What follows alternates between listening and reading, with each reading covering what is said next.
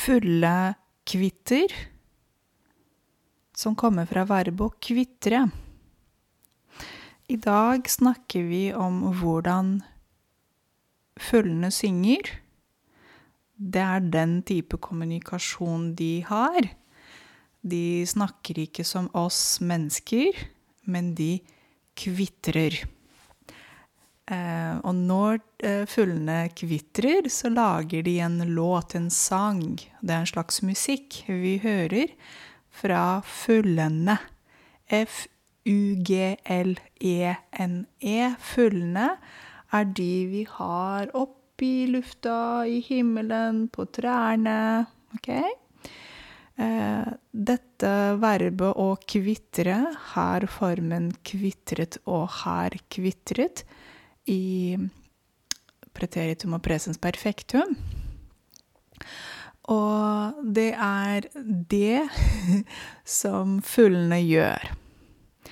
Eh, jeg kan gi dere noen eksempler på fugler.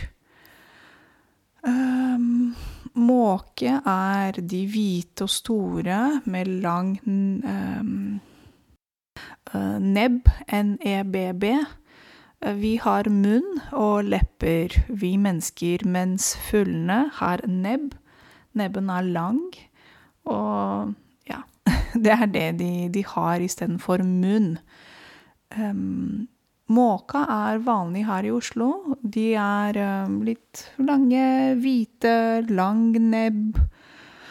Og de um, lager sånne litt irriterende sanger, synes jeg. Ehm, det er lett å identifisere måka, M-Å-K eh, og E hvis du sier én måke.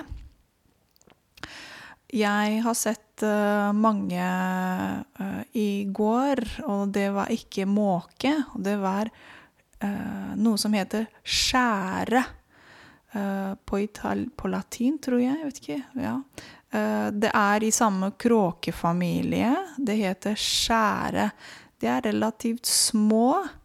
Eh, de har en sånn lang eh, hale og en fjærdrakt som er med litt sort på toppen, eller svart på toppen, og litt hvit kanskje mm, bak. Ikke bak, men under.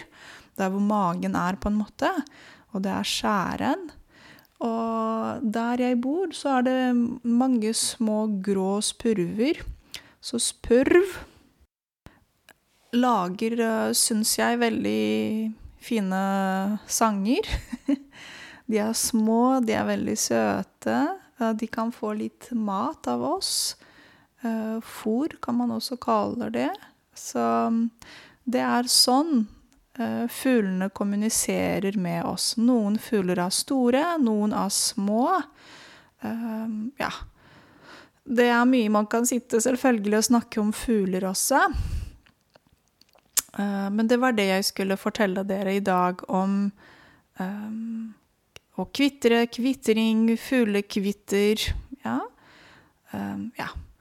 Uh, selvfølgelig, når vi snakker om dette her, um, å kvitre, dette verbet å kvitre, så kan man også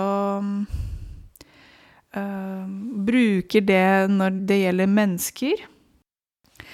Fordi vi mennesker kan lage litt forskjellige lyder, og vi kan også lage en lyd som ligner litt fuglekvitter. Um, så vi kan snakke og kvitre, eller vi kan le og kvitre samtidig.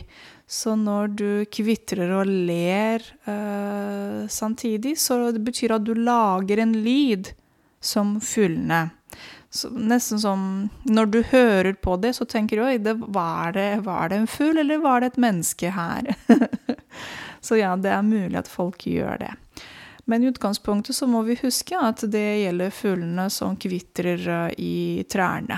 Så nå kommer det spørsmål til dere. Eh, kvitrer dere når dere ler eller snakker? Liker dere fuglekvitre? Det var det hele for i dag. Tusen takk. Vi høres neste gang.